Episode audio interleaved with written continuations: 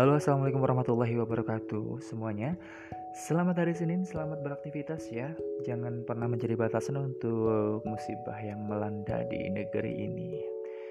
Oke untuk pagi hari ini Bersama saya ya Baswara Dean. Kalian bisa julukin saya dengan kata-kata Deanisia atau ya terserah kalian ya. Yang penting jangan bilang sayang aja ya. Oke kali ini saya akan bahas soal namanya ya jadi kemarin aku, aku habis beli buku kan ya. Namanya itu adalah Life Success Triangle. Jadi di sini aku akan kupas sebagian kisah yang ada di buku itu ya. Uh, di sini nggak ada judulnya guys untuk ceritanya. Tapi ini uh, bisa langsung aku kupas aja ya. Untuk ceritanya itu dalam karya klasik Alice in the Wonderland. Karya Lewis Carroll yang diceritakan suatu hari yang diceritakan suatu kali Alice tersesat dalam petualangannya di tengah Alice bertanya dengan polos kepada seekor kucing yang ia jumpai. Keren gak sih guys untuk dari apa namanya tagline pertama kali manusia tapi dia bertanya dengan seekor kucing, ya kan? Mau tahu nggak kisahnya? Pasti mau tahu banget dong. ah, kali ini pasti udah kayak anak kecil yang ingin mendengar dongeng dari mamah-mamah kalian ini kan. Uh, Oke okay ya. Jadi waktu itu kucingnya, eh apa nama si Alice itu bertanya gini, wahai kucing, dapatkah engkau memberitahukan mana jalan yang lurus ku tempuh dari sini? Hmm, lalu kucing itu pun menjawab, tergantung ke mana engkau pergi. Begitulah jawabnya si kucing. Dan Alice pun kembali bertanya, aku tidak peduli ke mana. Uh, kalau dan setelah Alice berkata sedemikian, si kucing pun kalau begitu tidak jadi soal jalan yang mana akan kau tempuh begitu. Kucing pun bilang begitu.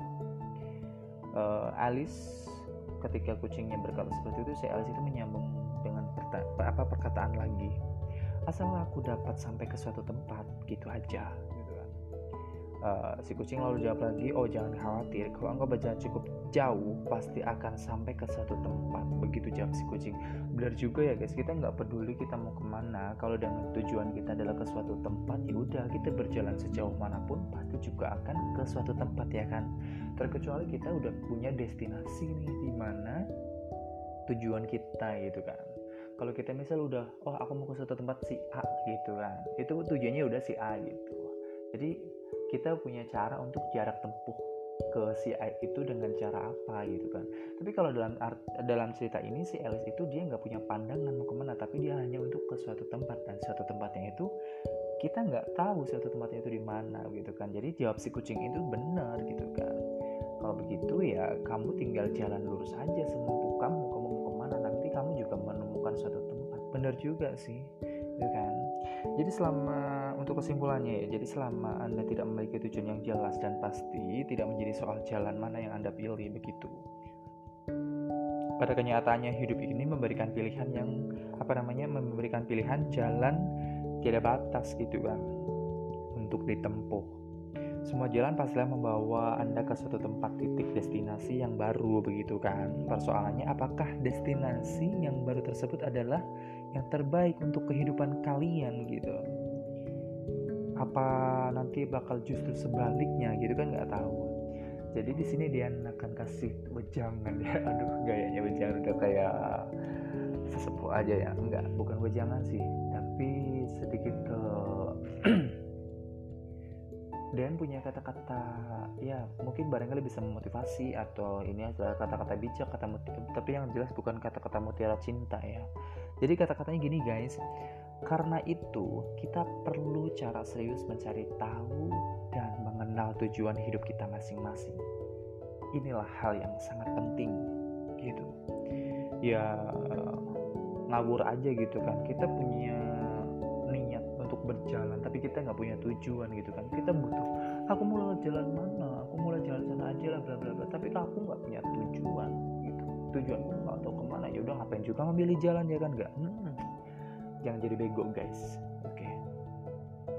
uh, eh, dan terusnya nih untuk ceritanya ya sayangnya uh, saya bertemu terlalu lama banyak orang yang tahu apa mereka cari gitu kan mereka terlihat sangat sibuk mencari informasi tentang suatu produk misalnya yang ingin dibeli, peluang usaha yang ingin digeluti, atau informasi mengenai tempat wisata atau yang tempat-tempat istilah cagar-cagar budaya yang ingin dikunjungi gitu.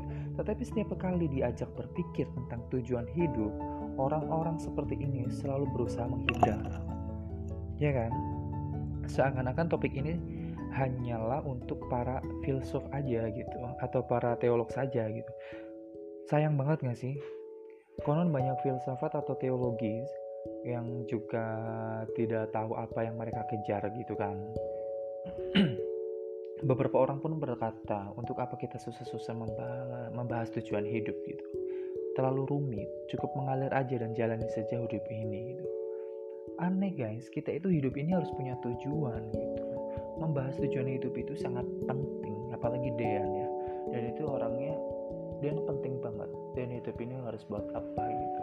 Dan misalnya kita apa namanya dan sendiri bangun tidur itu selalu berpikir aku harus jadi apa hari ini? Aku harus melakukan apa hari ini? Dan aku harus bagaimana hari ini jadi kita itu harus punya 5W1H gitu kan. Seperti halnya dengan komponen-komponen yang diwajibkan untuk membuat berita gitu. Jadi kapan di mana apa bagaimana gitu itu harus muncul untuk kehidupan kita gitu. Dan Dean itu selalu berpikir semacam itu ketika pagi hari gitu kan. Masa iya sih seorang teolog seorang filsuf diajak berbicara soal tujuan hidup dia nggak mau? Tujuan hidupnya apa coba dia hanya belajar aja kalau emang tujuannya belajar ya udah berarti kan itu tujuan hidupnya kenapa nggak mau dibahas gitu kan Oke, meluruskan kembali pandangan seperti itu. Ini ada seorang namanya, ada seseorang yang apa namanya penulis ya. Nah, jadi motivator ternama Rich Warman. Dalam bukunya yang terkenal itu ada judulnya The Purpose Div The, The Purpose Driven Life. Jadi ada memberikan lima alasan mengapa setiap orang perlu mengetahui tujuan hidupnya gitu. Uh, kalian mau tahu kan mengapa kita harus tahu apa tujuan hidup kita? Ya di sini Dean kasih tahu ya. Ini jarak pandang Dean sih untuk tujuan hidup. Pertama mengenal tujuan memberi makna bagi kehidupan kita. Kedua mengenal tujuan memudahkan hidup kita. Ketiga mengenal tujuan membuat hidup kita lebih fokus. Keempat dengan mengenal tujuan akan memberi motivasi kepada hidup kita, kepada diri kita gitu. Dan yang kelima, Mengenal tujuan akan mempersiapkan kita, mempersiapkan diri kita, mempersiapkan hidup kita untuk menghadapi kekekalan gitu. Jadi ketika kita udah tuju, tahu tujuan hidup kita, kita pasti akan mempersiapkan segalanya biar tujuan hidup kita itu bisa tercapai dan kita nggak akan melepaskannya itu gitu. Hmm. Nah, semoga kelima alasan ini dapat mendorong kita ya guys ya untuk menuai, untuk memulai dan sungguh-sungguh berusaha mengenal tujuan hidup kita. Dan Dan juga pernah baca nih dari sejumlah referensi yang Dan pelajari, itu Dan menemukan dua pendekatan yang umum digunakan dalam pembahasan mengenai tujuan hidup. Pertama adalah pendekatan antroposentris yang menjadikan manusia sebagai pusat. Kedua adalah pendekatan te, adalah pendekatan teosentris ya. Pasti kalian juga pernah dengarkan antroposentris sama teosentris yaitu kalau yang kedua pendekatan teosentris yang menjadikan Tuhan sebagai pusat begitu. Kelompok antroposentris memulai pencarian hidup memulai pencarian tujuan hidup dari diri mereka sendiri dan berakhir untuk diri mereka sendiri pula. Mereka mengajukan pertanyaan-pertanyaan yang berpusat pada diri sendiri seperti ingin seperti apakah aku kelak apa yang sebaiknya aku lakukan ini? Ambisi-ambisiku untuk masa depanku. Itulah yang dilakukan oleh para apa namanya antroposentris begitu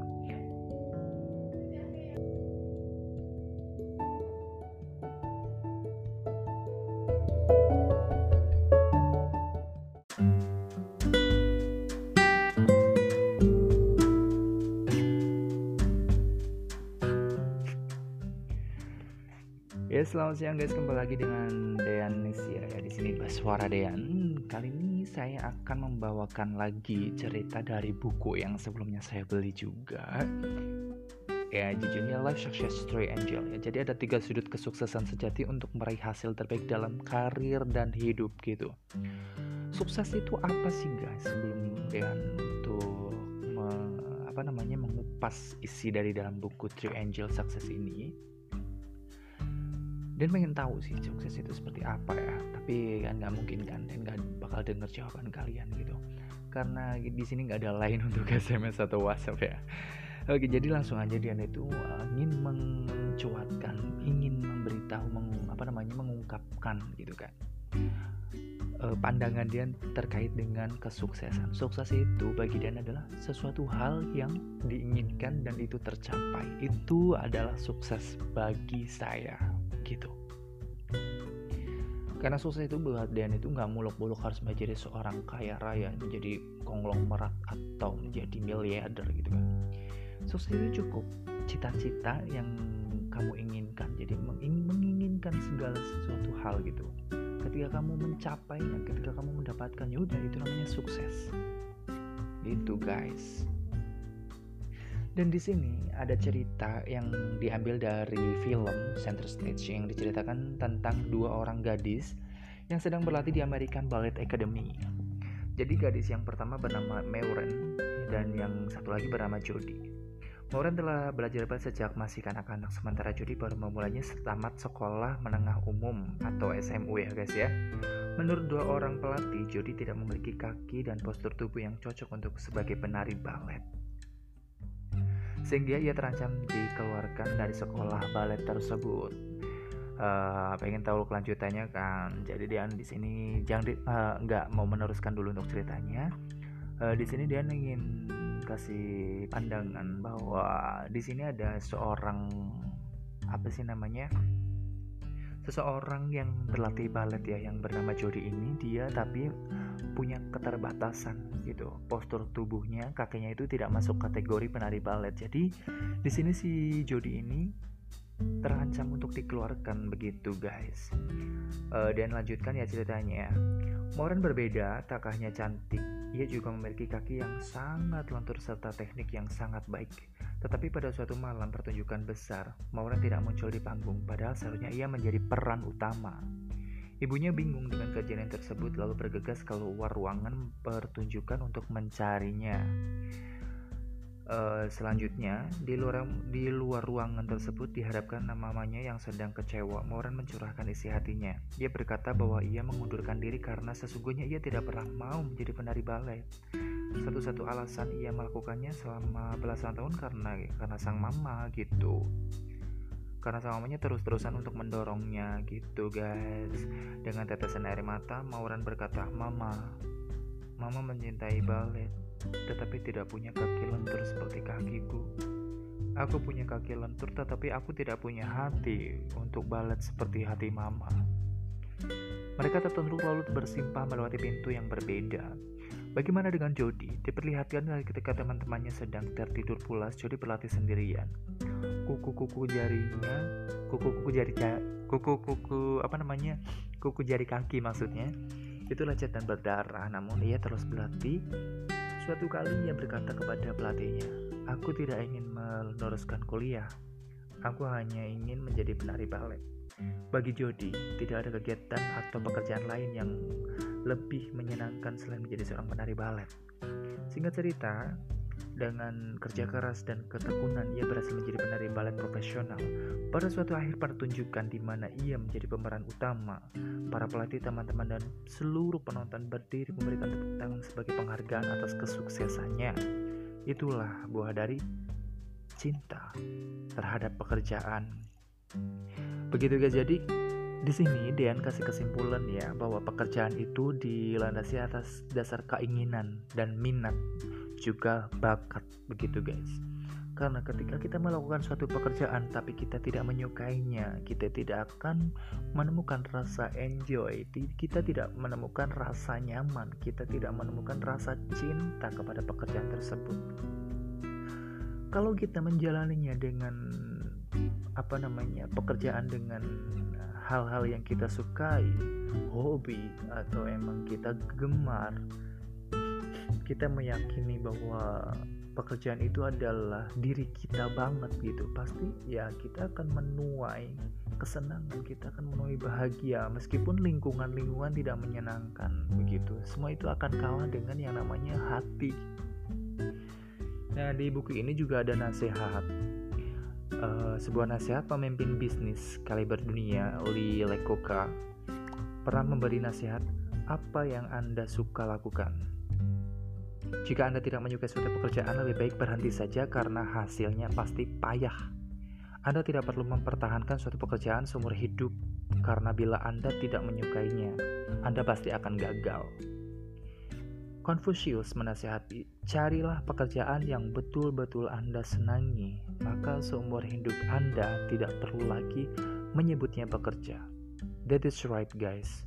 Karena gue sendiri, Dean, ngalamin yang namanya bekerja itu kalau di luar dari minat di luar dari hobi dari kegemaran itu benar-benar butuh energi ekstra untuk jalaninya mungkin kalau misal kita menemukan pekerjaan yang di luar kesukaan kita didukung dengan lingkungan yang kondusif yang menyenangkan itu bakal berjalan juga.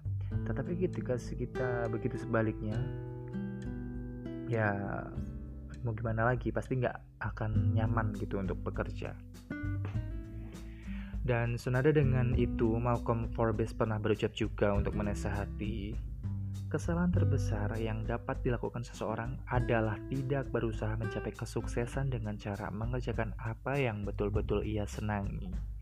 Begitu guys, jadi jangan pernah iri sama orang yang istilahnya sudah berada di level atas kalian, tetapi mereka itu berada di apa namanya berada pada fase yang tidak menyenangkan gitu. Jadi mereka melakukannya dengan terpaksa demi jabatan, demi uang dan segala macam. Tapi hati mereka itu nggak ada di situ. Itu namanya hahaha kasih nama sendiri aja guys yang hal-hal semacam itu ya dan pasti kalian sudah apa namanya sering menjumpai dong orang-orang yang semacam itu yang notabene dia apa namanya mempertahankan jabatan, mempertahankan gaji mereka, tetapi mereka melakukan pekerjaan yang di luar mereka senangi.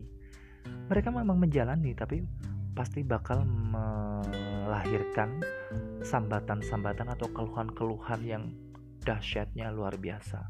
Mungkin memang mereka tidak akan menunjukkan, tapi di dalam hatinya mereka itu berjungkir balik, gas salpo mereka semua itu. Aku yakin gitu ya. Jadi di sini Dan kasih nasihat juga.